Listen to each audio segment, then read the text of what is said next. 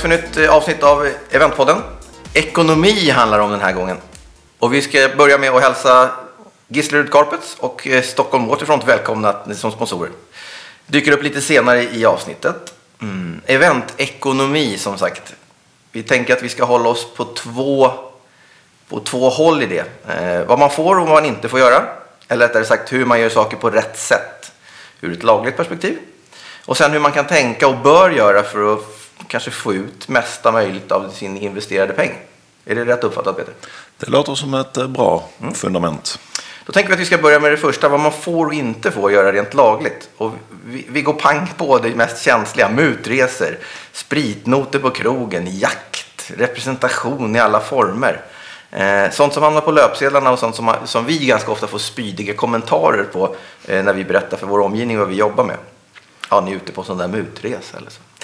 Eh, för att få klarhet i det här, eh, vad man får och inte får göra, så har vi bjudit hit Eva eh, Gentsheim från Skatteverket. Välkommen hit Eva. Tack. Vi ska tillsammans titta över vad det finns för regler och hur vi ska, hur vi ska hålla oss till det här och om vi gör rätt eller inte rätt. Så vi är lite pirriga, du får vara beredd på att vi kanske är, är, är på tå ordentligt. Okej. Okay. Mm. Eh, kan inte du börja med att berätta vem du är och, och, och din roll? Ja, vem är jag? Jag heter Eva och jag är i grunden civilekonom. Jag har jobbat 25 år på Skatteverket, så jag har varit där länge. Uh. Ja, usch. Du sa ju 100 år när vi började förprata. ja, jag sa 100 år, men jag, jag skarvar lite. Det bara, bara 25. 25. Ja, det är snart en klocka, vet du. Ja. Men eh, jag jobbar som informatör och brukar vara ute och föreläsa och delta på olika mässor och så. Det är väldigt roligt. Hör du ofta från vår bransch? Eh, inte sådär väldigt ofta faktiskt. Det, det kan jag säga att det gör jag inte. Vad är din bild om event, eventbranschen? Vad skulle du säga att, det, att vilka frågor kan dyka upp och hur? Ja, det som brukar dyka upp det är ju det är ju just det här, vad får man göra och inte göra? Vad är lagligt? Mm. Och min känsla det är ju att de flesta företag vill ju naturligtvis att event ska vara Eh, att det ska vara okej okay med representationer och resor och så vidare. Så det är väl det som frågorna kommer upp om oftast. Eh, det man måste tänka på inkomstskattemässigt, mm. det är vad som är avdragsgilla kostnader och vad som är icke avdragsgilla kostnader. Och det är egentligen där man börjar. En avdragsgill kostnad, det är en kostnad som man får, får skriva ner resultatet med helt enkelt. Men det minskar företagets resultat. Och då Men, slipper man betala skatt helt enkelt? Helt rätt. Mm. Medan en icke avdragsgill, ja, den belastar ju resultatet och då, då blir ju vinsten högre så då får man ju betala mer skatt. Så du kan i princip, i princip kan du ta vilka kostnader du vill i firman mm. men eh, det blir med det blir någon slags, du får ändå skatta för det så det är ingen skillnad. Nej precis, och är det så att du tar privata levnadskostnader, ja, mm. men då ska du ju förmånsbeskattas för det. Ja. Där börjar det väl dessutom bli väldigt gråzonigt. Då är vi ute och traskar Det finns andra problem. Ja, precis, det gör det. Ja. Eh, sen tänker jag så här också, man får titta på vem är det som gör vad. Ett eventföretag till exempel som ordnar ett event, de har ju de här kostnaderna i sin verksamhet, för det är ju det de säljer. Så där är ju kostnaderna avdragsgilla. Men för företaget som köper, kanske inte är avdragsgillt. Så det, det, man måste skilja på vad som är avdragsgillt och inte. Ska jag berätta en spännande grej som jag kom på nu? Vi, vi gjorde ett event i Danmark, det här är säkert 15 år sedan. Då hade vi ett danskt APS som det heter, alltså motsvarande aktiebolag. Ja. Och där var avdragsreglerna helt annorlunda. Mm. Vi gjorde alltså, jag kommer ihåg, vi gjorde en julfest för Microsoft var det. Och sen så gick det precis som vanligt, alla fakturor gick genom oss och sen vidare fakturerade vi. Då fick inte vi dra momsen på mat, och, alltså ingenting fick Nej. vi dra momsen på. Utan då, då, då klassades vi som liksom slutbrukaren. Mm. Vilket ju var helt upp och ner. Men dessutom med att vi åkte på en torsk på nästan 100 000 som vi inte fick tillbaka. Alltså. Ja. Ja, det var ju, vi var ju inte tillräckligt pålästa. Sen Nej. efter det så gjorde vi aldrig så. Sen gick alla fakturor direkt till kund varje gång. Det förstår jag. Det var ju lite surt måste jag säga. Mm. Ja. Och det där är ännu knepigare kanske nu då. Eh, med tanke på att, att vi sitter i ett land och gör eventet. Vår beställare kan sitta i ett annat land mm. i Norden men har en inköpsavdelning som sitter i London eller i mm. Frankfurt mm. eller i Amsterdam. Hur gör man rätt då? Då, man, då ringer man till er och frågar ja, Då får man ringa till oss och fråga. Och det, vi har ju folk som är jätteduktiga på det här. Mm. Framförallt på, ja de är duktiga på allt, men just det här med handel inom EU-länder så är det ju, det är ju speciella regler. Och jag tänker, då har vi det här med omvänd skattskyldighet. Ja, att det är ju inte du som säljare som tar ut momsen utan det gör ju då köparen i andra landet under förutsättning att det är ett företag helt enkelt. Är det det som, som heter reverse charge på lite engelska? Alldeles riktigt. För där är det ganska kul, det tycker jag man kan säga. Eh, när vi hade en, en eh, utländsk kund 2010 där vi hade problem med det här. Vi, vi förstod inte riktigt hur det här fungerade. Men, men eh, det var rätt stora belopp så vi ville inte göra fel. Mm. Då sträckte vi ut handen till, det var inte dig men till några kollegor, tyvärr har jag tappat namnet på dem. Mm. Och fick så fantastiskt bra hjälp. Mm. Alltså nu, sitter det som jag, nu låter det som jag sitter och smörar av Skatteverket. Ja, och det har man väl ingen större nytta av misstänker jag. Men, men de var, jag vet att de kom till oss på ett par möten och förklarade hur vi skulle göra. Och var ju väldigt så här man kan aldrig garantera någonting, men rimligtvis borde det här vara utfallet. Mm. För att man, det här gör man ju då i efterhand, har jag då fått lära mig. Man, man analyserar projektet efteråt mm. och så mm. tittar man exakt hur momsutfallet är och sådär. Mm. Men eh, fick så otroligt mycket hjälp och det kan man väl säga, ni är väl, inte, ni är väl bara glada om folk hör av sig för att ni ska kunna hjälpa dem så de landar rätt från början. Jo, men så är det ju. För, och det är ju så kul att höra att du säger just det här att du fick bra hjälp, att kollegorna kunde, kunde hjälpa till lite snabbt. För Skatteverkets målsättning det är ju att det ska bli rätt från början. Det är ju det man eftersträvar. Och ett, eh, ja, ett led i det här det är ju att försöka få folk att göra rätt och få folk att förstå. Mm. Så vi lämnar ganska mycket hjälp och som sagt var, många kollegor är väldigt, väldigt pålästa och kan väldigt mycket. Ni är som Systembolaget, liksom. ni vill att eh, man ska hålla det inom givna ramar så blir det bättre. Liksom. Ja. Inte dricka för mycket och inte göra för mycket fel med skatterna och sådär så blir det bättre. Liknelse. Helt, helt rätt, båda är ju statliga så att ja. Men om vi, om vi, nu hoppade vi in på reverse charges och vi hoppade mm. in på mm. massa, om vi bara tar, om vi liksom bottnar i basen. Vad, vad får en, en företagare vanligtvis bjuda sina kunder eller medarbetare på? Vad, vad är det för regler? Vad ska man tänka på? Ja, jag kan väl säga så här att från och med årsskiftet så har man ju ändrat lagstiftningen, inkomstskattelagen. Och då har man gjort så att man har tagit bort allt vad representation heter. Man får inte längre göra avdrag för representation. Och det här innebär att visst, du kan bjuda, du kan bjuda dina kunder eller du kan bjuda dina anställda men det kommer inte att minska vinsten i företaget för det ska, det ska bokföras men det, ska, det minskar inte resultatet. Så att du, du måste ändå liksom skatta för de pengarna. Just. För man frågar då av nyfikenhet, det är ju mm. inte du som stiftar de lagarna och sådär. Nej. Men man undrar hur resonemangen har gått. För det finns ju mycket man behöver för att driva en verksamhet. Mm. Och att ha ett, ett möte med en kund och, och känna att ja, men det, det främjar där om jag skulle kunna bjuda på lunch. För vi behöver sitta och jobba under det här mötet till exempel. Mm. Någonstans så är det lite märkligt, ty tycker jag. Jag kan hålla Inte jag. Nej, du, du tycker inte det är märkligt? Nej, alltså om, om, jag, om jag gör en affär och säljer kärnkraftverk och kärnkraftverket kostar 100 miljoner mm. eh, och jag behöver få dra av en lunch på 250 kronor för att, jag ska, för att den affären ska kunna bli av. Det är ju bara larvigt. Fast, fast, det finns ju många kostnader som är småkostnader i sammanhanget. Alltså, sen finns det stora kostnader och småkostnader. Men, men varför ska den få dras av? jag vet inte, äta dricka är ju liksom någonting som behövs i ett, några gånger om dagen och det känns som att det kan genomsyra liksom ens vardag, arbetsvardag också. Alltså vi måste in, inskaffa föda på något sätt. Ja, ja. Eller... jag, kan inte, jag vet inte, jag kan inte svara på din fråga där faktiskt, för jag har inte läst proppen så jag vet inte vad man Nej. har sagt. Men jag tror att man vill komma bort från det här tänket med representation. Man vill vara bort det, för man ser det lite grann. Det är svårt att se vad är egentligen privat kostnad och vad är en företagskostnad? Mm. Och vi får ju ofta den frågan som informatörer. Ja, men om du har ett företag och jag har ett företag och vi bjuder varandra på lunch, då kan väl vi dra av det? Nej, men det är inte så det fungerar, utan det måste ju finnas, det måste finnas en koppling till verksamheten. Det man har sagt idag nu då, det är att man får dra av man kan göra ett avdrag på 60 kronor. Det är ett skäligt avdrag och då ska det vara en enklare förtäring. Det ska vara en macka och en kopp kaffe eller lite frukt eller något sånt. Det får, det får du inte ens för 60 spänn längre. Ink moms också.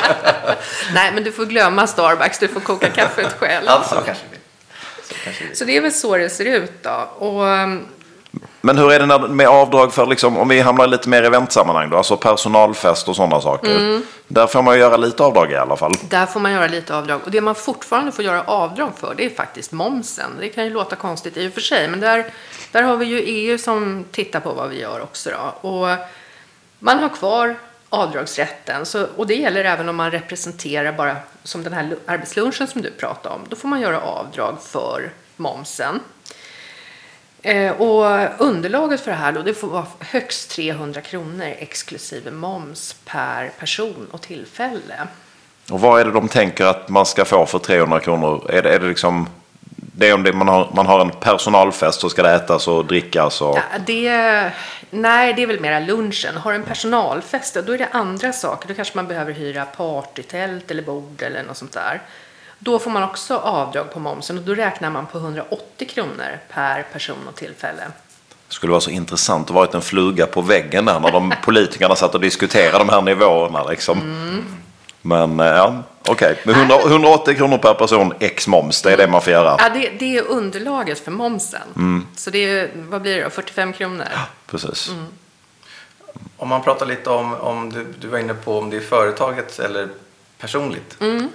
Vad, vad, vad kan man tänka där? Vad, vad är, när, går en, när ska det förmånsbeskattat? beskattas? Var går gränsen? Jag får börja med att berätta vad förmånsbeskattning är till våra spridda ja, lyssnare. Ja, det kan jag göra. Förmånsbeskattning det är ju till exempel det enklaste exemplet är ju om jag har en bil som är skriven på företaget och jag får använda den här precis hur mycket jag vill. Då ska jag betala en viss summa skatt per månad på den här bilen och då har vi schabloner som man använder sig av. Och det här gäller ju allting som, som kan räknas till den privata sfären. Det kan vara båtar, det kan vara i princip vad som helst som man, man kan använda privat. Och i våran värld är det ju det vanligaste konferens. Mm. Var går gränsen konferens eller en privat resa? För oss är det ju ganska glasklart men, men eh, vad, vad, när börjar en konferensresa ramla över till att den, är, att den bör förmånsbeskattas, att det är en privat? Ja, där, där finns det faktiskt klara exempel. Där har man ju, finns ganska många domar på det. Och det. Man säger att en konferens ska innehålla ett över, övervägande delen ska vara arbete och då brukar man räkna med minst sex timmar per dag. Mm. Och kommer man inte upp i det här, ja men då, är det, då ska man ju förmånsbeskattas. Sen kan det vara så att man kanske inte ska förmånsbeskattas för hela, utan det kanske bara blir en del av resan. Men det ligger i farans riktning på något sätt att det blir en förmånsbeskattning. Mm. Men jag menar, många av de här stora revisionsbyråerna och så här, de har ju sina, de, de åker ju till Gran Canaria, var de nu åker och har sina olika kurser och så. Men de har ju ett digert program mm. alltså. Och det, det gör vi faktiskt på Skatteverket om det är så att någon kommer in och har sådana här kostnader. Då ber vi att få in programmet. Mm. Så det, då ser man ganska snabbt att ja, här hade de inte mycket fritid. Nej, och där är det ju, alltså, även om du kan få rätt mycket fritid över om du konfererar sex timmar, så ja, vi, vi, vi är ju i den här situationen ofta. Ofta kan det ju vara, är du borta en vecka till exempel på mm. utbildning, som då revisionsbyrån är, då kan det bli billigare, mm. även om du ska flyga, mm. eh, beroende på hur du paketerar det. Mm. Alltså, det kan ju hända, så att det finns ju ett eh, ett, ett grundresonemang som är klokt här också. Det men, det. men det fanns ju ett, jag, kommer, jag drog mig till minnes ett, ett case som du säkert eh, kommer ihåg. Nu kan man, det var ett fall, det var något av de här svenska spelbolagen nu, det kanske är en fem år sedan. Eh, kommer inte riktigt ihåg vilket bolag det var, det spelar ingen roll. De drog iväg med sina fall, det var 200 man till. Jag tror att det var typ Förenade Arabemiraten. Och så var det så här, over the top. De, de hade hyrt Ferraris och det var ut och göra ditten och datten och det var nog ingen konferens alls. Okay. Och det kostade så här absurt. Det var ju en artikel i tidningen hur det hade kostat så här, fall det var 150 000 per person eller mm. någonting. Och då gick Skatteverket in och sa efteråt att det här ska ju förmånsbeskattas. Mm. Så kostnaden blev bla bla bla bla si och så mycket. Och då gick ju ägaren till det här bolaget in och sa, men vet du vad? Jag tar det. Så han gav alla en löneförhöjning så att de kunde skatta fram förmånsbeskattningskostnaden. Mm. Känner du igen caset? Nej, jag känner faktiskt inte igen det caset. Nej, men det, det, låter ju väldigt gentilt. Ja, ja nej, hade väl vissa har för mycket pengar. Nej, men det var så här, det var ju liksom helt öppet case och han mm. hymlade inte. Det var någon nej. av de här spelutvecklarna. Liksom. Men där får man ju också skilja på, jag tänker nu var de här, som jag förstår det så var de anställda då. Mm. Men om du vänder till exempel mot en kund, mm. då kan ju kunden aldrig bli förmånsbeskattad för där har du ju inga anställningsförhållanden. I det här fallet så var det ju då anställda, mm. ja då, då, är det en förmån, då bjuder ju du som arbetsgivare på mm. den här lyxen.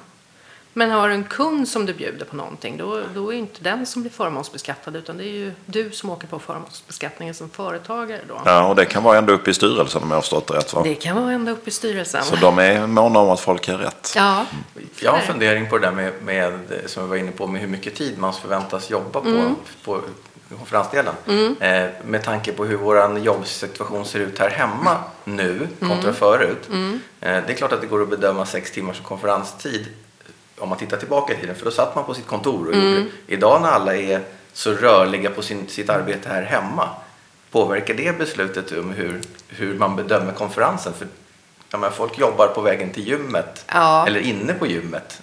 Alltså jag tror inte det, utan jag tror att man ställer väldigt strikta krav på just hur det här programmet ser ut. Men jag håller med dig om att folk arbetar på ett annat sätt. Och det är ju lite grann nackdelen att lagstiftningen hänger inte riktigt med i tidens tempo. Och det ser vi på allting med virtuella valutor och digitala betalsystem och så. Det, det, Och konferenslokaler. Tidigare var ju liksom, finns det en konferenslokal bokad, då, Ja. då, då är ju chansen stor. Men varenda kund vi träffar idag säger ju så här, vad kan vi vara i en miljö som är mer stimulerande Mm. än konferenslokalen? För, för vi ska jobba stenhårt, fast vi vill vara i en miljö som ger oss mer energi. Mm. Eh, Så jag, jag håller med nog med att det blir svårare och svårare för er att göra den där bedömningen. Ja, det eh, blir ju det. Med allas Men- ambitioner att göra rätt. Men när det gäller inkomstskatt då, då, då där handlar det ju väldigt mycket om bedömningsfrågor. Så där är det väldigt mycket upp till, eh, till den som vi pratar med och tala om och visa. Kan du övertyga mig om att det här har varit en konferens och att det har varit stenhårt arbete? Ja, men då, då är chanserna större helt enkelt. Men du ska ge dig ett läskigt case då. Mhm. Alltså vi... vi eh, nej men läskigt. är det. Men jag sitter och tänker så här. Alltså vi, vi tjatar ju på våra kunder om att man ska göra en ordentlig förstudie och sen så ska man liksom definiera syfte och mål och sen ska man dra iväg på sin konferens. Men det kan mycket väl vara så att det största behovet är att människor bara ska prata med varandra. Säg att vi skulle skicka iväg 200 personer från din avdelning. Och det ni behöver göra det är att ni behöver prata med varandra, ni behöver dela kunskap med varandra, ni behöver lära känna varandra bättre. För det är det man har definierat, det är därför vi behöver konferera. Och så kommer vi fram till att i tre dagar ska vi bara sitta vid vattenbrynet på någon kursgård utanför Stockholm och snacka med varandra. Och det är liksom fullt legitimt, det är, liksom, det är precis det som behövs. Det hade ju aldrig passerat. Eh, nej, det skulle det väl inte göra. Det skulle ju inte passera. Men samtidigt, det är min personliga uppfattning att jag kan tycka att det är väl så i mångt och mycket det fungerar. Vi har ju, jag har själv varit med om det på Skatteverket, att vi har åkt bort. Nu åker vi, har vi varit inom Stockholms län då, men vi har åkt bort på någon sån här kursgård och vi har just bara haft sån här, nu har det inte varit 200 personer, men vi har haft sån här eh, teambuilding och så. Och det, men även där har du ju någon form av program ändå. Det är ju inte så att du kan gå och lägga dig vid, vid playan och bara slappa, utan det finns ju någon form av, av schema. Ja, nej, jag bara tänker det är svårt att definiera Det det som är väldigt konferens. svårt att definiera. Det är jättesvårt faktiskt. Och i de- i den största frågan på de interna eventen handlar ju nästan alltid om att engagera medarbetare. Eh, att, att engagemang är det som man dippar på eh, och vill, det vill man få upp. Eh, så det är ju frågeställningen. Vi behöver snacka ihop oss, vi behöver få bättre engagemang. Precis. Och det kanske inte gör en, en konventionell Klassisk konferenslokal. form, Nej. Ja, spännande. Vi ser fram emot fortsättningen hur det där kommer vridas och, och, och vändas på. Det kommer säkert att bli ändring tror jag. Ja, förmodligen i någon form. Där. Du, en nyfikenhet på den svenska avundsjukan. Eh, hur, Ja. är, är, brukar, hur går det till? Ringer man in och varnar för att du, de där åker till Bahamas eller Dubai var det du var inne på? Du- ja. Dubai, ja. ja. Jo, det händer faktiskt. Vi, vi har faktiskt såna här tipstelefoner, tror det eller ej. Men vi har tipstelefoner som är bemannade i olika pass då. Och det händer ju att folk ringer in och talar om någonting som de har som en liten nagg sådär, känner att det här ska vi lite. Men eh, Väldigt ofta så är det till exempel att exmannen fuskar. Man, man vill sätta dit honom, man vill verkligen punktera honom på något sätt. Eh, och sen kan det väl vara lite andra sådana här saker, att det är ja, att grannen har svartjobbare och sånt där. Så att, men eh, för det mesta så tror jag faktiskt att det är journalisterna som lyckas gräva upp de här grejerna som Dubai och det. Jag, jag tror det, för att det, är- det är inte så vanligt faktiskt, utan det är mer de här lite andra, lite mindre skalan. Ja, okej. De vet väl var de ska leta, murvlarna. Ja, Ja, de verkar veta det. Det hänger ihop med deras affärsmodell. Ja, det gör väl det Att hitta någonstans. nyheter. Ja. Eh, bra svar. Ska vi se, vad hade vi mer att ta av där? Restriktionerna var vi inne på, vi var inne på reverse charge var vi lite, lite och touchade på. Behöver Mm. vi en förtydligning på det Peter, känner du? Eller fick vi den ungefär som vi ville ha den? Alltså, vi kan väl summera reverse charge i liksom, två meningar. Du- Nu ska vi se om jag kommer ihåg så rättar du mig Mm, Eva. jag rättar dig om du... Det handlar ju om att man ska betala moms där tjänsten eh, levereras. Va? Ja, I det landet tjänsten levereras. precis. Eh, Och då, det är då det kan bli lite komplicerat med en utländsk kund där vissa grejer görs i Sverige och vissa grejer kan göra i ett tredje land och så vidare. Men kär- kärnan är hela tiden det och då så är det, fasen hur är det nu det här funkar då? Då, då ska man ändå betala in moms. Nej, du får hjälpa mig, jag kommer inte ens ihåg. Det var så länge sedan jag gjorde det här. Nej, det, är ju, det är ju säljaren då som ska betala momsen och det är ju i det landet som säljaren är. Och sen så kö- kör man olika rapporter mellan EU-länderna då där vi ser att den här, jag har sålt den här varan eller tjänsten och har köparen redovisat det här. Så att det, det finns kontroller på det. Och så får man tillbaka det via ett litet skattekontor uppe i typ Bollnäs. Nej, var är det? Det finns Eh, något kontor hos er som sköter det där. som är nischade något, på reverse det, charge. Precis, det är något kontor. Det är väl inte Bollnäs Ja, tror men det är någonstans där. Kan vara där någonstans. Ja. Ja, ja, det finns ett tänk i alla fall. Och sen finns det en massa andra konstiga skatteregler. Jag, kommer, jag vet också att, nu ska vi se här, om du är till exempel en artist som äger mer än 50% av ditt eget bolag och du själv uppträder så kan du vara momsfri i ditt artistskapande. Men om du då alltid går via ett bokningsbolag då är det alltid full moms. Ja. Och om du inte äger mer än 50% av ditt eget bolag eller det inte är du själv som uppträder då är det också full moms. Ja, stämmer du påläst. Ja, men någonting har jag lärt mig med åren. Men det visar ju bara på hur svårt det här är. Det är otroligt svårt Ja. faktiskt. Ja, man blir ju rätt mycket, alltså när vi betalar våra momser så är vi ju rätt uthängda till att de som fakturerar fakturerar rätt från början och det litar man ju ofta på att de vet hur de gör.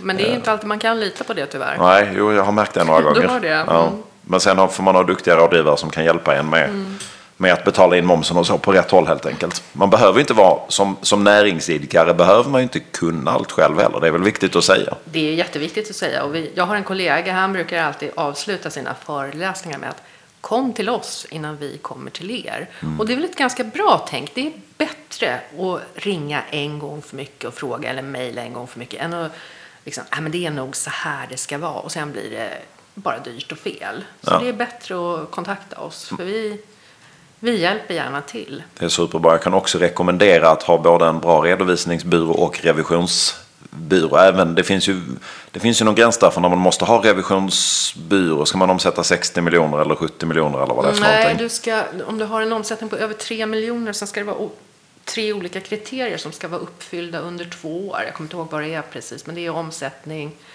antal anställda och någonting mer.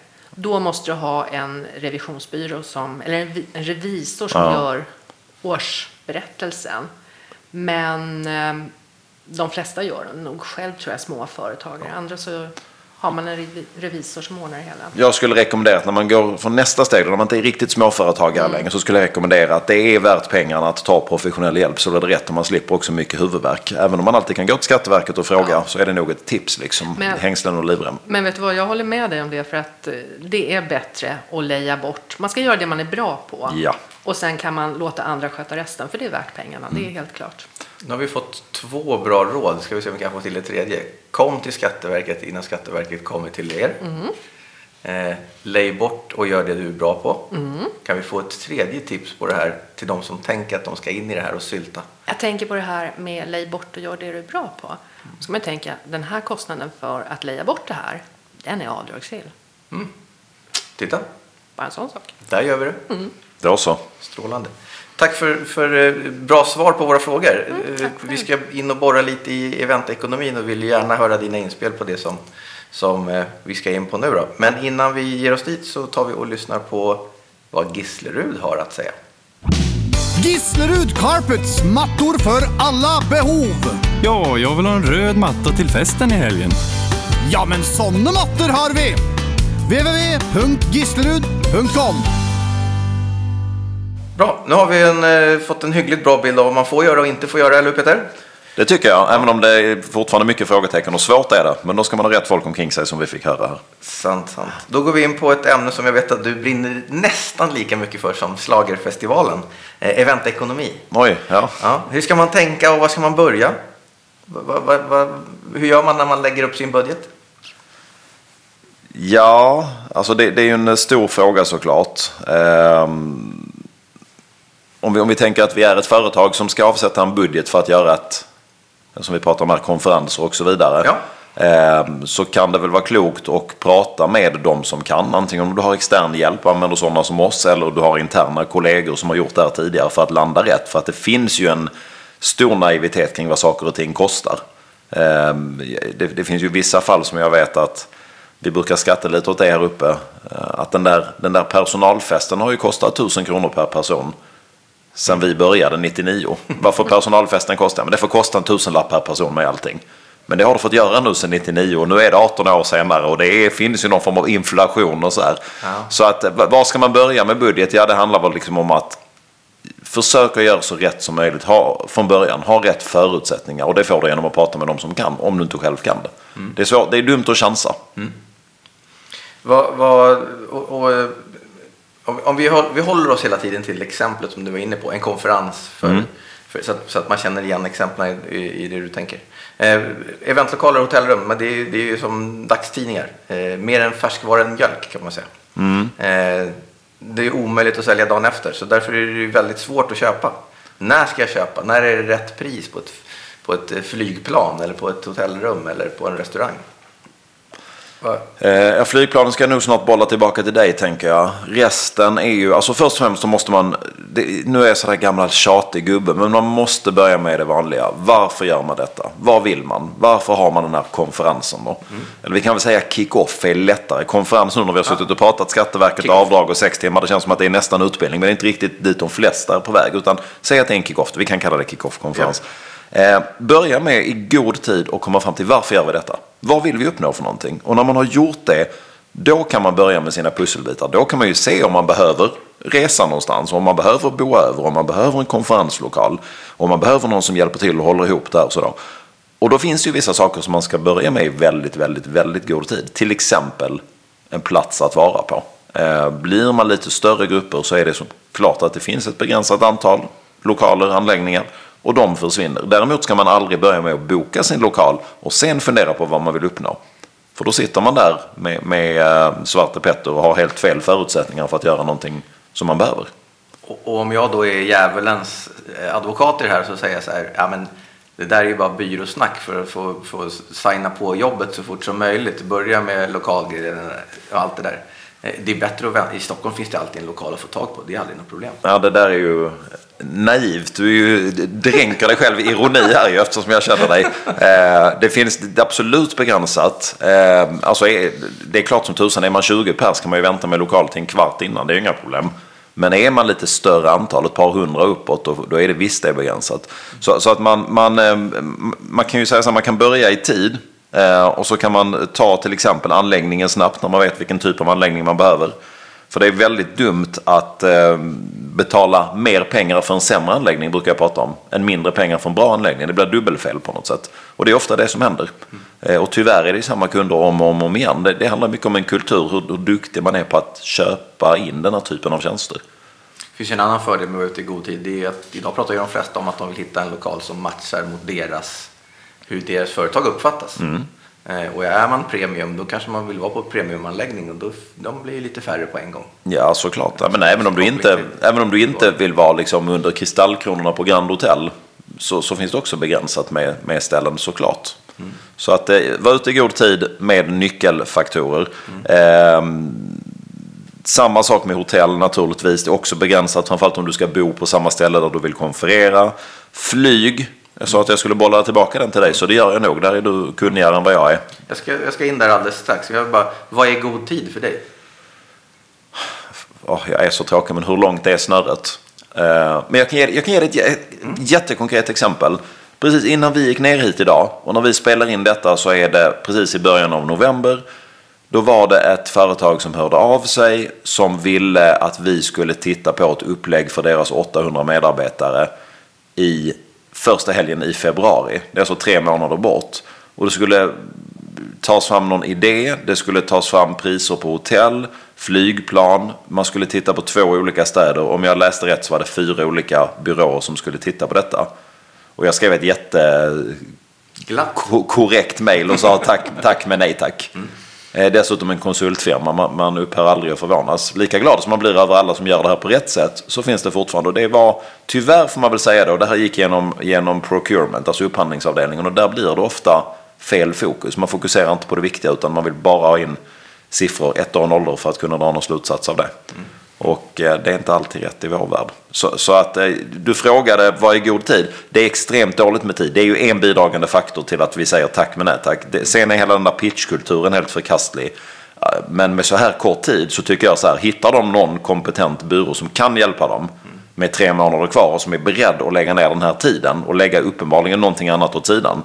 Kör med den aktören då, men sätt inte en massa aktörer i jobb för att de är alldeles för sent ute. Så ditt svar kanske, om jag får vara den där som filtrerar, 3 till 6 månader. Inte kortare än 3. Om det är lite storlek. Ja, Eller allt- 6 till alltså 10. jag skulle säga allt, allt som är av lite, lite dignitet, alltså lite kräver ett liksom, ordentligt med jobb som kommer senare än sex månader, då reagerar man ju så här, oj, det var sent. Mm. Men lik förbaskat går det. Vi gjorde ett, en, ett jättebra arrangemang för ett av de stora mediehusen för en månad sedan och det jobbet startade vi upp i augusti. Vi fick frågan liksom mitt i sommaren och så startade vi upp det i augusti och så körde vi mitten av oktober. Det gick, Mm. men alla vi var ju med på spelreglerna liksom. Men eh, minst sex månader bör man ju titta på det. Grymt. Då, du ville att jag skulle prata lite flygekonomi. Ja, men det är, alltså, det, det- man springer ofta på där liksom. Man ska ta in eh, flygpriser till en grupp och så, så säger de men jag gick in här på någon eh, bokningssida och det var ju mycket billigare när jag skulle kolla själv. Ja. Hur gick det till? Ja, eh, ja så är det ju. Om man, om man surfar in och ska köpa en flygstol någonstans så är det klart att man kan få till ett, ett, ett bra pris. Eh, I min värld så är tumregeln att, regeln att eh, flygstolar, ju fler stolar du köper efter en viss mängd så blir det dyrare i snitt. Det är lockpriser i början med andra ord. Nej, men de har ju räknat med att, eh, att businessstolarna ska gå till businesspris. Så att man köper egentligen bakifrån i- stol, stolmässigt. Och så efter 30 stolar någonstans, då börjar det åka uppåt. På de flesta flyg. Eh, Så att, och förklara det för, för någon som köper flyg eh, eller en konferens utomlands för första gången att det blir dyrare om ni är lite fler. Det är ju motsägelsefullt. Ehm, Så det är väl sånt att tänka på. Sen kan man ju fundera på om, om eh, det är reglerna för avbokning eh, och ändring som är viktigare än flygpriset i slutändan. Eh, Och i min värld så är det snarare att ha regler som gör att vi får vara flexibla när vi faktiskt vet hur programmet ser ut, faktiskt vet hur många som kommer komma, faktiskt vet vilka orter de kommer flyga ifrån. Det är viktigare än om, om flyget kostar 1900 eller 2 Min värld. Väldigt klokt, klok observation. Mm. Eh, tack. Eh, eventplaneringsmässigt. Eh, är det, är det, kan, det, kan det inte vara en utmaning att, att eh, man vi, vi, vi måste ligga före företagets egen marknadsplan i vissa fall? När du säger så här, vi måste sätta syfte och mål innan, innan vi sätter oss. De är inte där. Nej, jag vet. Ehm, och nej, det är ju supersvårt såklart. Ehm, det är ju därför vi också, alltså ofta får man den här förfrågan. Hej, jag heter Pelle, jag ska göra en kick-off för våra 400 medarbetare. Jag vet bara att vi behöver göra det här första helgen i september. Det får kosta en miljon. Jag vet inte mer än så. Det är svårt. Det blir sällan speciellt bra med de ingångsvärdena. Och då går man ju tillbaka och vill tröska igenom det. Varför gör ni det? Finns det något annat i er strategi som vi kan hänga upp det här på? Jag vet inte. Och därför slåss vi för att det här ska eh, prioriteras. Man måste inse att det här har, har lång framförhållning. Och gärna upp i organisationen. De som sitter inne på resten av informationen innan det trattas fram till Pelle. Om det sen är vd, och det är ju ett mönster man har sett i flera år, att, att det här handlas upp av mer och mer seniora medarbetare hela tiden. För att fler, man, fler inblandade. Ja, det är det ju också, men man tar innehållet på större allvar och då, då inser ju alla att då måste det ju liksom så gott som möjligt harmonisera med allt annat man har för sig i, i sin verksamhet. Jag vet inte hur mycket det har med eventekonomi att göra, men, men det, det hänger ihop med Nu det. ramlar vi tillbaka in på eventekonomidelen. Vad, vad är det dyraste kring att skapa event? Jag tjatar alltid om att det, det dyraste det är att göra dåliga events. Det där var en planterad fråga för du skulle kunna säga ditt svar. Nej, men den har jag det har jag varit ute och missionerat om så himla länge. Men jag vet, jag har det här exemplet som jag brukar prata med folk om att man säger kostar hotellrummet 15 eller konferenspaketet 1500 eller 2000. Ja, det är stor skillnad. Nej, det dyra är jag vänder mig till dig Eva. Om ni skulle åka iväg med Skatteverket och så samlar vi 200 chefer och så ska vi sätta tryck på vår nya liksom, interna vision och det här är vår målbild och det här Skatteverket ska göra. Och så åker man iväg och så gör man en kick-off. Där ni åker därifrån och så känner alla bara jag tror inte på det här. Eller eh, det här känns inte bra i magen. Ja, jag har jobbat här 25 år men det kanske är dags att göra något annat för det här är ju helt bakåtsträvande. Eller vad det nu måste vara, att man skickar dåliga budskap. Eller att man... man, man Ogenomtänkt. Eller? Ja, men det, det, är inte, det, är inte, det är inte välplanerat. Man, man, det, det blir fel, det blir dålig magkänsla. Det är dyrt. Det är väldigt dyrt att göra så. Jag får fråga en HR-chef vad det kostar en person som säger upp sig. Det kostar förmodligen mer. Och då spelar det inte så stor roll vad som är avdragsgillt på sista raden och vad man får tillbaka moms och vad som är skattade pengar och hit och dit. Utan det viktiga är att du skickar rätt budskap och så vidare. Så, så att eh, det, det, det, lite abstrakt blir ju det där liksom. Sen finns det såklart. Jag kan ju ge ett liksom, ett inte lika torrt svar på vad det är som är det dyraste med events. Du är aldrig torr. Ja, ja, det kan jag gott vara. Eh, Men det finns ju vissa pusselbitar i eventekonomin som är läskigt. Teknik är ju en sån sak. Konstant diskussionsämne. Ja, men det är ju det. Fastän vi har gjort det här i hundra år, som Eva brukar uttrycka det, har vi suttit på vår kammare i hundra år. Men det kommer, får man en offert på teknik idag så begriper man ju fortfarande inte eh, mycket. Utan det är ju svårt. De, de är ju skrivna på tekniska, som vi brukar säga, de här teknikfirmorna, de teknikkillarna och tekniktjänarna, de pratar tekniska, jättesvårt. Det, eh, alltså en konferens kan kräva teknik för en miljon utan problem. Och det kan, det kan räcka med det som hänger i konferenslokalen också. Men det är en sån punkt som, som är läskig. Ehm, Jag tror att man måste tänka till där och verkligen veta vad man pratar om. Det är väl nog det viktigaste. Så teknik är ju en, en, eh, en varningsklocka, vad som är dyrt. Eh, du har också en annan grej som man kan lyfta är ju generellt sett det man pratar om som de rörliga kostnaderna. Lite förenklat så delar man upp eventkostnader i fasta kostnader. Jag, ska hyra, jag hyr en konferenslokal för 20 000. Och sen så är det rörliga kostnader. Det kommer 200 gäster och så ska alla ha fika och de ska ha middag och det ska tryckas upp någon namn-badge och de ska hänga av sig garderoben. Det är rörliga kostnader. Tydligt. Och det går ganska snabbt att bli dyrt. För man tycker liksom att ja, ja, men vi lägger på 100 spänn här i den rörliga kostnaden. Men det är ju 20 000 på 200 man. Det är ju lika mycket som hela lokalen kostade. Och där blir man rätt blind. Man tänker att vi behöver ju ha fika och lunch och middag och så vidare. Men jag kan lova er att när man, när man får de här offerterna, nu hatar väl alla anläggningar oss, eh, inklusive vår spons, en av våra sponsorer här, Waterfront. Men när de skickar sina offerter, eh, alla ställena, så har de ju en tendens att skicka sina premiumpaket. En fika, lunchfika kan ju utan problem kosta liksom 480 spänn plus moms. Men tittar man sen lite i det finstilta så inser man att där det kanske hade räckt med en, en kanelbulle och en kopp kaffe så är det liksom 20 olika sorters raw bars och alljuicer och det är liksom 2000 importerade fikon från Malaysia och allt vad det är för någonting. Och det är klart, de hedrar ju sin affär, alla, alla anläggningarna. Men vad händer då om man kan kapa 100 spänn på de rörliga kostnaderna? Jo, det blir snabbt väldigt mycket pengar. Å andra sidan, om man inte ser upp så kan det också bli dyrt. Så att det, är väl, det är väl sådana saker som, som eh, kan dra iväg helt enkelt. Tekniken, eh, rörliga kostnader. Någon mer? Nej, men sen finns det ju allting. Eh, Alltså, vi brukar också prata om att det, det är dyrt att sova. Eh, vad betyder det? Ja, det innebär att det är en trend som man har sett i många år. Att fler och fler har konferenser, dag, liksom sina arrangemang dagtid och man kanske stannar i sin stad. Om vi är till exempel i Stockholm som vi är i det här fallet. Eh, tidigare åkte man alltid iväg till en kursgård och så bodde man där och konfererade och hade eh, alla aktiviteter och så bodde man och så kanske man konfererade dagen efter och så åkte man hem. Idag ser man mer och mer, eh, även om vi älskar dem där när man drar iväg, det är rätt trivsamt och man kan göra andra saker. Det går liksom att paketera det på ett annat sätt. Men det är väldigt vanligt idag att man kör en hel dag på till exempel ett centralt beläget hotell eller någonting. Och sen så använder man inte mindre pengar kanske, men man använder pengarna till andra saker. För att sen kostar det där hotellrummet liksom 1700 spänn. Och det är dyrt att låta folk sova. Har man inget program dagen efter så är det inte alltid nödvändigt att man ska sova borta. Så, så att eh, det är dyrt att sova också ska man veta. Men ofta är det nödvändigt också. Tar vi med oss den också. Mm. Eh, Jag vet att du gillar när man prutar och sådär. Eh, Gillar jag när man prutar? Ja, eh, hotels.com och, och hitta sina egna billiga lösningar och, och sådär. Ja, alltså, men, egentligen är det där väl... ehm, Jo, det är sant. Ja, det är det väl. Nej, men man kan säga att det är, det är två olika diskussioner. Ehm, någon gång...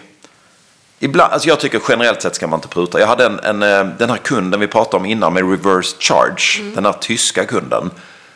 Väldigt, väldigt rutinerad inköpare. Han sa till mig när vi startade upp det här projektet. Nu ska jag inte härma hans eh, tysk-engelska. Så vi tar det på svenska. Eh, Men då var det så här. Han sa Peter, en sak. Och det här var liksom, de la odrägligt mycket pengar på sitt event, det kan man ju säga direkt. Men de hade den kulturen och de ville premiera de här människorna. Eh, han sa så här, jag vill inte att du prutar någonstans. Utan vi ska välja rätt leverantörer och vi ska betala det de vill ha. Men vi ska också förklara för dem att nu har de fått 100% av sitt pris. Då ska vi ha en 100% i leverans. Det var hans sätt att se på det. Jag kan tycka att egentligen är det väl självklart, men man kan ju vända på det. Om man då ska in och pruta, då kan man också tycka att anläggningen kan säga men det är bra. Betalar ni 80% så levererar vi 80% kvalitet. Hur känns det? Det drar det lite långt, men jag tycker att hans story var rätt intressant. Generellt sett så tycker inte jag att jag, man, ska, man, man håller inte på och prutar i vår bransch. Det, det, det, pruta är ju roligt, det gör man på en marknad i Kina eller var man nu är någonstans. Eh, vi har haft ett antal case genom åren där kunden har kommit och sagt ja, men vi vill göra det här mer men vi vill att ni tar mindre betalt. Och då har vi alltid sagt tack med detta. Vi kan ha gjort det liksom kanske en, två gånger genom åren och då har det också funnits skäl för det av olika anledningar. Det är ju rätt vanligt att på andra sidan så finns det någon som har till jobb att bara ta den diskussionen för att den ska vara tagen så att man har ryggen fri. Ja, men hade man gjort det, alltså vårt resonemang här som jag vet att jag delar med, med många i vår bransch, det är att då skulle vi behöva ändra hela prissättningen. Då behöver vi höja våra priser för att ha utrymme för att kunna pruta. Vilket ju är helt upp och nervänt. Det blir ju, helt, det blir ju liksom en låtsasekonomi. Nu sätter man rätt pris på sina tjänster. Och sen så är det det det kostar. Som om du går till en ICA-butik. Ja men det här är det det kostar. Vill sen ICA-handlaren sänka priset på mjölken en dag, då får han väl göra det liksom. Men då har han ju tänkt igenom det. Eh, det kan vara enstaka case där vi kan ringa till exempel till en anläggning och säga så här, du, vi gillar ditt ställe, vi gillar, eh, kunden gillar ditt ställe, men det kostar 100 000 mer än anläggningen på andra sidan gatan. Är du intresserad av att ändra på priset? Det kan vara okej okay att göra ibland. För att det kan finnas goda skäl till det. Men att systematisera det här som det tyvärr finns eh, vissa som gör är bara tråkigt och det driver ingenting framåt. Utan man får nog räkna med att vi har liksom en schysst ekonomisk integritet i den här branschen och det här landet. Det det kostar, det är det det kostar. Och så sätter man rätt pris. Och vill, vill någon straffa ut sig på att ta för mycket betalt, ja då är det ju den, dens problem naturligtvis. Mm. Mm. Du, eh, då hoppar vi in på knep för att få mer för pengarna. Har du några bra tips till den som planerar event? Vad ska man göra för att, för att pengarna ska räcka till lite mer? Eh, oj. Um, jag, har, jag har faktiskt, den, den var ju lite planterad. Jag har några tjuvgrejer här. Um, ska vi säga, där, ja, nej men sova hemma snackar vi om. Eh, även om jag inte på något sätt är emot att man ska bo på hotell i samband med sånt här. Men, men då ska man bara ha ett behov av det. Standardbehovet är ju så här. Nej, men vi ska ju avsluta konferensen med en fest och om vi inte bor borta så kommer folk inte att festa. Och det är så här, ah, fasen, eller så tror vi på att det kan bli bra ändå. Liksom. Men det är rätt, fortfarande rätt dyrt att, att bo borta om man inte behöver. Mm. Eh, på tal om att bo, mm. flerbäddsrum, där har man ju sett en rätt stor skillnad, tycker jag, över åren. Där man historiskt sett var mycket mer för singelrum. Idag finns det ju en, en eh, ganska vedertagen bild av att man erbjuder, i de flesta organisationerna, man erbjuder dubbelrum. Och vill någon ha singelrum, om det är liksom av medicinska skäl och så vidare, det är ju helt okej. Okay. Men om det bara är för att det är skönt att bo på ett eget hotellrum, då är det rätt vanligt att man får betala mellanskillnaden själv. Och det tycker jag är fullt drägligt. För svenska kunder ska sägas. För när vi har utländska kunder, det är ju helt andra grejer. Ja, det, är det, är liksom, prova det med amerikanerna bara, va? Gud vad sjukt, tycker de. Man delar rum liksom. Eh, så, så, att eh, fler, flerbäddsrum generellt liksom. Eh, klassikern här, starta efter lunch. Vi är tillbaka på de rörliga kostnaderna. Man ska ha en eftermiddagskonferens. Och så tycker man att vi börjar klockan ett, det är en bra starttid. Nej, för om du börjar klockan ett med en konferens någonstans, då måste folk ha en rimlig chans att käka lunch innan. Och det har de inte, du behöver nog bjuda på lunch om du ska börja programmet klockan ett. Men om du istället börjar klockan två och du har en konferens för 400 pers, då är vi där igen. Ska du bjuda på lunch på en konferensanläggning kan det lätt kosta ett par hundra spänn ex moms för en lunch. Det är 80 000 spänn, det är ganska mycket pengar som du kan göra någonting annat för. Så det är väl ett, ett knep. Eh, samma sak om vi är kvar i mat och dryck igen, det här med kaffe. Standardgrejen, ja så vill vi ha eh, kaffe på kvällen. Mm. Men vill man det när man bara sätter sig och tänker efter? När folk har konfererat en dag och sen har man käkat en middag och fått kanske något glas eh, mousserande och sen några glas vin till middagen och det är partystämning. Vill alla ha det där kaffet? Nej, det är lite retoriskt för jag vet att alla inte vill ha det där kaffet. Vad händer om man till exempel då säger och kaffe för de som vill finns i baren här när, när dansgolvet öppnar. Då lovar jag att det räcker att beställa kaffe till 20% istället för till alla de här 400 människorna. Ni kommer ihåg rörliga kostnader. Mycket pengar att spara, många bäckar små. Ja. Men du, no-shows då? Vad säger du om no-shows? Ja, det är ju en, det där är läskigt. Ehm, vi har ju, ibland har man riktigt rutinerade kunder som säger så här. Vi är 600 man på det här eventet.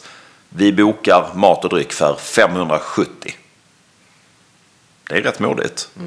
För att i nio fall av tio så funkar det ju klockrent. Man vet ju om att folk inte kommer. Nästan 9,5 av 10. Ja, men 9,9 till och med. Men jag, vi har ju, alltså alla vi här uppe har ju varit med om att det kommer fler människor än förväntat också. Eh, och det kan vara allt från att det har blivit fel någonstans i registreringen. Eh, det finns många, eh, många företag i, i Sverige idag som har en mångkulturell medarbetarbas. Eh, alla de här liksom lite coola företagen i Stockholm city som har folk som, som har flyttat hit från hela världen så, som, för att de vill ha sina drömjobb. Man har en helt annan kultur. Vi är fasen, vi är ju uppvuxna i det här eh, ordningsamma svenska. Man anmäler sig och så kommer man. Och kan man inte så hör man av sig och säger att man inte kommer. Jo men prova det med ett gäng 25-åriga tv-spelsprogrammerare från Indien eller någonting liksom. De bara, ja, ja det var något coolt event ikväll, klart jag går dit. Ja, men jag tar med min granne också liksom. För det är en annan kultur. Så, så att man ska vara försiktig. Men generellt sett, tips på besparing. Eh, ju större grupper, du kan alltid räkna med ett procentuellt bortfall på allting. Det är helt rimligt. Folk blir sjuka och folk har sjuka barn och ditten och datten händer. Det är klart att inte 100% dyker upp. Och är, är du 400 man, du kan ju lätt räkna med att 20 man inte dyker upp. Och då kan du vara iskall och boka bort det. Det är rätt stora pengar du kan spara där helt enkelt. Och de flesta anläggningarna brukar ju lätt kunna lösa 10 till om du vill ha det sen. Snarare, de har jobbigare att få bort de där 10. Ja, men det är ju, fan, det är ju en eh, pseudodiskussion i sig. Det går Ja. nästan aldrig att dra ifrån för det är så stora problem. Men att lägga till det går ju fem minuter innan. Det går. Ja. Det- Vi tar den vid Ja. tillfälle. Och du har dessutom har du där med ställena eh, ett annat konkret knep för att spara pengar. Nu, nu pratar vi, bara, låter som vi bara pratar kvällsevenemang, men det är lätt att fastna där. Eh, sådana drinkbiljetter. När man vill bjuda på ett glas vin eller två i baren efteråt, då brukar man få drinkbiljetter. Då kan man kräva som arrangör att få betala dem efter åtgång. Köper du ett, ett dryckespaket till en middag, då är det en sak. Men eh, sk- ska du sen gälla drinkbiljetter, ja det är bara de biljetterna som kommer in betalar du för och inget annat behöver du betala för. Det, det är också så här, egentligen en hygienfaktor men som lätt kan glömmas bort ibland. Sen, sen ska man inte glömma bort där att det kan finnas bra interna resurser. Eh, och nu är jag inte där på liksom att använda Janne på ekonomiavdelningens partyband på kvällen. För det ska man nog helst undvika, nästan alltid. Men vi har ju ofta sammanhang där det finns en, till exempel en intern moderator. Eller en intern föreläsare. Det finns någon i organisationen som tillför ett stort värde för att han eller hon är kompetent och kan göra det här liksom baserat ur föret- sprunget ur företagets DNA och övertygelse. Och då sparar rätt stora pengar. Vi är ju vänner av att man ska ha liksom riktigt bra, till exempel moderatorer. Men vi har ju också sett där det ibland går att landa det inifrån huset. Man ser ju helst att det inte är av ekonomiska skäl man väljer det. Utan att det är för att man har en duktig intern talang, tänker jag. Ja, men ofta glömmer man ju bort det för man bara tänker att allting ska köpas in utifrån. Eh, Man kan åtminstone ställa sig frågan. Men kvaliteten i första hand där ska man säga. Härligt, då har vi fått lite tips på vad man kan göra för att få mer för sina pengar. Du, ibland eh, så funderar man ju på om dyrast alltid är bäst. Dyrast är alltid bäst. Är det så? Ja, nej, dyrast är inte alltid bäst. Eh, vi tänker allmänt på alla inköp i... Ja, det, man köper. Är, dyrast bäst? Nej, men det finns ju någon slags självsanerande eh, faktor där. Alltså går du ut och ska, vad ska vi ta, hyra in en motivationsföreläsare och en kostar 15 000 och en kostar 50 000. Ja, det finns ju rimligtvis liksom fog för att den som kostar drygt tre gånger så mycket är bättre. För att han eller hon har eh, ratat högre och har fler uppdrag och är kunnigare och så vidare.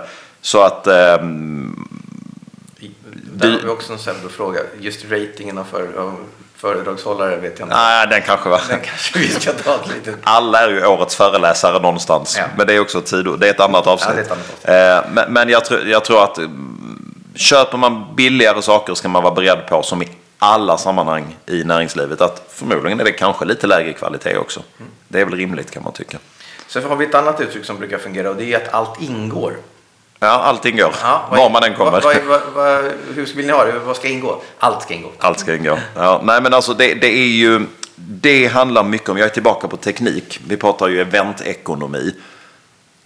Och är det någonstans jag tror att det går fel väldigt ofta, framförallt för företag som själva planerar och genomför sina events, så är det teknik. För när man blir lite större, alltså är du en liten grupp och åker till en konferensanläggning och så hänger det en projektor och så, och så finns det en mick och en högtalare. Det räcker. Det är sällan några problem. Men kommer du upp på nivån att man kanske är 300-400 personer eller ännu fler än så och det här ska göras liksom riktigt professionellt och bra. Och sen så har man fått en offert från lokalen och så kostar lokalen 100 000 att hyra. Och så står det projektor, ljud, eh, ljudanläggning och ljus i. Ja men allting går. Ja det gör det ju. Fast räcker det för dina behov? Nej, det, det, vi är tillbaka i det retoriska. För ofta behöver du helt annan teknik. Utan att bli nördig. Liksom, du, du kan inte bara ha en dator och en projektor. För att du kan inte ens växla mellan två olika saker som du vill spela upp. Och har du gjort det här lite eventigt som man säger så behövs det en helt annan. Ni vet de här killarna nästan alltid, som innan hade långt hår, nu har de inget hår och stort skägg, alla de här teknikerna. Som sitter där längst bak i lokalen som man alltid undrar vad de gör. Det är teknik och det är teknik som aldrig ingår, så kan man säga. Så, så att där ska man vara väldigt, väldigt försiktig när det blir lite större event. Mindre event, då räcker det nästan alltid så som det finns när man hamnar på ett ställe. Och då är vi nästan inne på min nästa fråga. Vikten av att jämföra äpplen med äpplen. Eh, en lokal som har, som, som har allting som ingår för en summa kontra en som är tom. Vad, vad kan vi säga kring, kring äpplen och äpplen? Nu kommer jag på, det här kommer ju låta köpt, men nu kommer jag på en grej. Vi kan ta Waterfront nämligen som exempel. Ehm, det är dyrt att hyra deras lokal. Nej, jag ska inte säga att det är dyrt. Det kostar mycket pengar. Men sen sitter det också enormt mycket teknik där som ingår. Nej, det räcker nästan aldrig för att köra hela eventet, men det räcker väldigt, väldigt långt. Sen finns det en lokal som kanske kostar 25 000. Eh, men där du kanske knappt har el.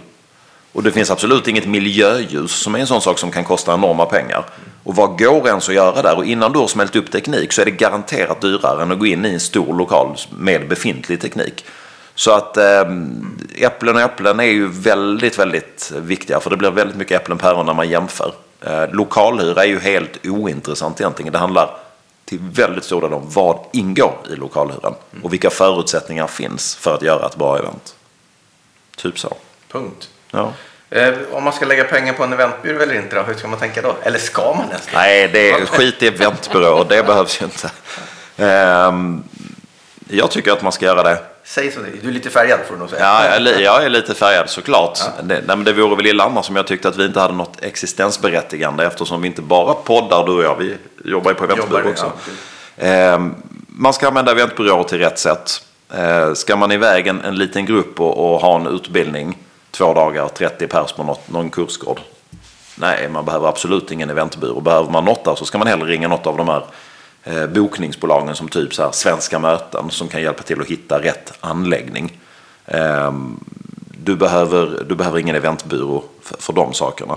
Ehm, men när det blir lite mer och lite mer komplext och det finns en annan eh, behovsbas, du behöver uppnå någonting annat. Då tror jag att det är väldigt klokt att använda en eventbyrå. Ehm, sen finns det ju många som har duktiga interna resurser. Det finns ju många som har eventansvariga och eventavdelningar och sådär. Men även de använder ju eventbyråer i princip hela tiden. Det, det fin- det har, jag- har sprungit på några case genom åren där någon person i ledningen tycker att Nej, men vi lägger för mycket pengar på eventbyråer. Vi anställer en eventansvarig så gör vi allt i huset istället. Nej, det är, det är lika dumt som allt annat. Det är som om man skulle börja revidera sina egna böcker. Liksom, för att man kan aldrig bli expert. Det låter tungt att vara ensam eventansvarig kan jag tycka. Ja, alltså det, det kan man ju göra beroende på vad du har för verksamhet. Men när vi, vi, de flesta av våra kunder är, ju- gör ju liksom lite större events. Det är ju ett antal hundra personer uppåt och det, det är inte enkelt. Det, det, det är inte så att du bara byter en eventbyrå mot en eventansvarig i huset.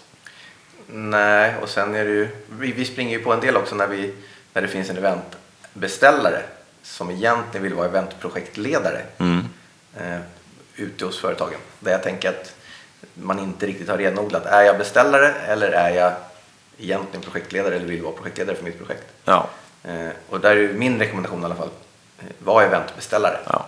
Beställ ditt event, låt oss göra det jobbet som vi har kommit överens om. Jag brukar ju alltid tjata om till den typen av kund. Eh, det viktigaste för dem det är att tycka och bestämma.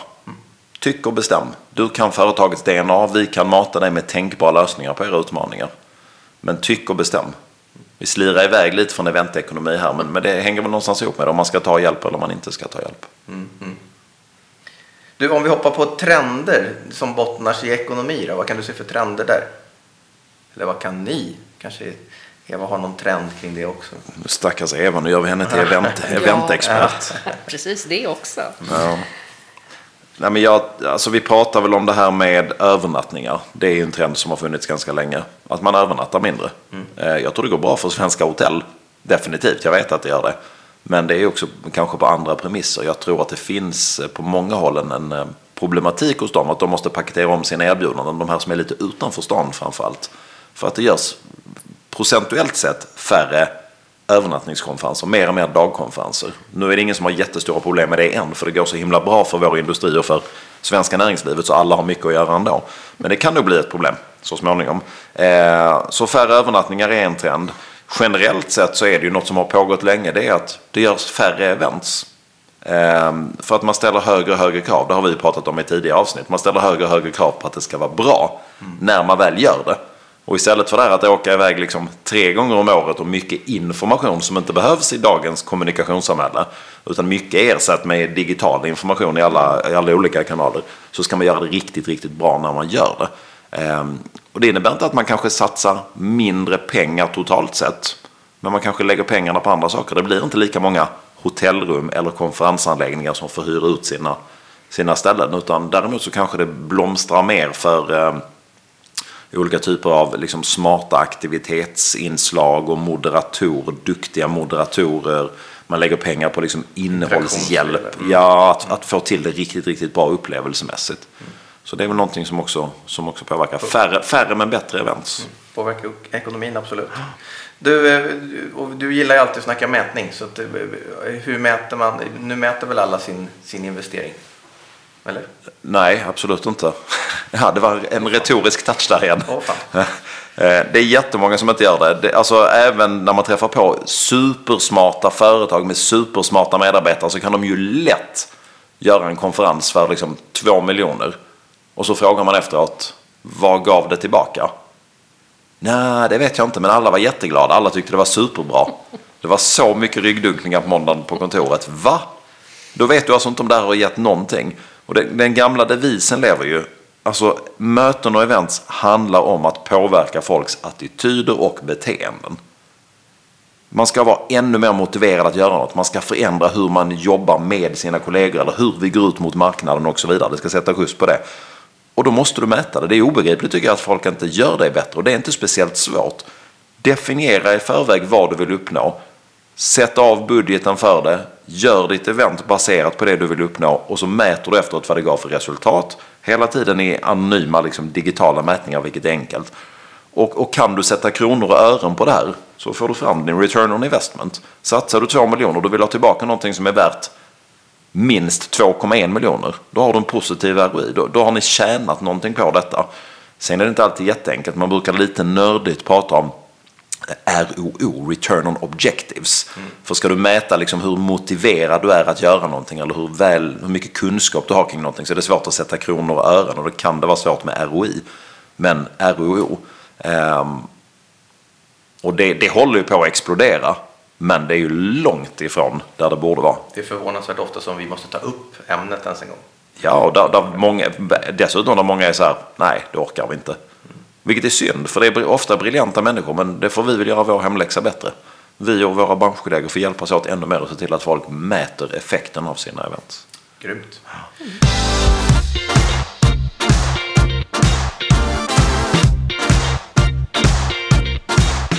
Bra, då är det dags för veckans eh, Waterfront-event som det heter sen, sen en vecka tillbaka eller sen ett avsnitt tillbaka. Yes! Skjut. Ska jag skjuta våra kära sponsorer Waterfront. Eh, förra gången då pratade vi om ett jättestort event som vi hade gjort där med ett par tusen deltagare. Eh, och ja, Waterfront är stort. Det är jättestort. Eh, men det passar också för mindre event. Det finns, dels finns det ju massa liksom, smårum för de riktigt små grupperna. Jag vet inte vad det minsta är, men det går säkert att vara 10 pers där och ännu mindre så också. Eh, men är man en grupp på till exempel 300 som ju kan anses som medelstort i vår värld kanske. Då kan man ha det kanon på Waterfront. Vi hade just 300 personer här om året på, med, det var ett fastighetsbolag. De skulle kick-offa och då jobbade vi med en sittning kring runda bord i den här jättelokalen som heter A1 som, som egentligen då med alla läktare tar 3000 pers. Men det blir hur bra som helst om man tänker till lite för 300 pers. Eh, det som blir rätt, vi var inne på det lite innan här, det är att de har ju de här enorma bildskärmarna. Det sitter ju tre enorma bildskärmar där inne som ingår i lokalen. Och det blir ju riktigt sån här håll käften upplevelse när man sitter 300 pers och är omgiven av de här bildväggarna. Eh, så att, eh, riktigt, riktigt mäktigt. Så att vi konfererade där. Sen eh, var det mingel i lokalen bredvid, M1, som ju är grym med fina glaspartier ut mot stadshuset. Sen var det upp på hotellrummen, byt om. Sen riggade vi om till fest där nere igen på kvällen. A1 fortsatte använda den här tekniken. Och sen kan man ju, det gjorde vi inte den här gången, man kan ju fortsätta med dans och party i de här barerna som finns på flera olika ställen för en eh, riktigt bra eh, roundup på det hela. Så att eh, lägg alla era events på Waterfront. Det tycker vi är eh, glimrande. Eller så ringer ni och ber om en visning på Waterfront så tar eh, Kent och gänget hand om er där borta. Strålande. Ja. Eh, Eva och Peter, eh, lite goda råd till, eh, ska vi summera de råden vi gav förut till, kring eventekonomin? Eh, har, har vi spaltat någonting? Vi hade se till att prata med Skatteverket innan Skatteverket ville prata Ja, med vad sa vi? Du sa det så bra Eva. Ja. Kommer inte ihåg. Kom till oss innan vi kommer till er. Så, det var så himla bra Så, ju. så, Den tar vi med oss. Vad tar vi med oss mer? Det låter lite hotfullt. Eller Man hur? cementerar den här bilden av liksom 30-talet Chicago när, när man ska ut och sätta dit de som säljer sprit. Liksom. Jag tycker Ja. den var glasklar. Ja. Är- Nej, den är bra. Kom, kom till oss innan vi kommer till er. Vad, vad sa du mer? Du sa något mer innan Eva? Sa sa jag något mer? Ja, du, det kommer jag inte ihåg. Va? Så, men jag tänkte på det du sa, just det här med 100 procent. Man får ju vad man betalar för också. Mm. Det är samma sak när det gäller bokföringshjälp och revisor och så. Man får vad man betalar för. I. Mm. Så det är kanske bättre att lägga lite mer krut på det än, och, än vad man tror och inte bara jaga kronor. Jag kan berätta, jag tror att vi snart ska prata om veckans blooper, men jag kom på en blooper här nu som väl förmodligen är preskriberad. Men när jag och eh, en kollega började med det här företaget eh, för 18 år sedan, då var vi ju liksom totala noviser och visste ingenting, men gick till en redovisningsfirma som, som hjälpte oss med grunden. Vi hade ju ingen aning om hur man betalade moms och allting, men vi hade startat ett AB och så skulle vi göra det här. Och på något sätt så, min eh, kära kollega Dan, vi, han fick då vara ekonomichef. Det var vi två. Så jag var vd och han var ekonomichef. Han fick betala fakturorna.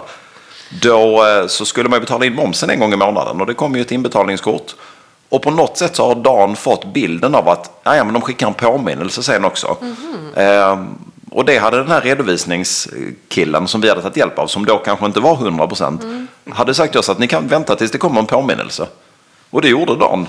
Månad efter månad, det var inga problem. Och det gick jättebra. Det, vi hade svarta siffror direkt och vi betalade in vår moms, inget konstigt. Tills det då kom ett brev från, är det Skatteverket?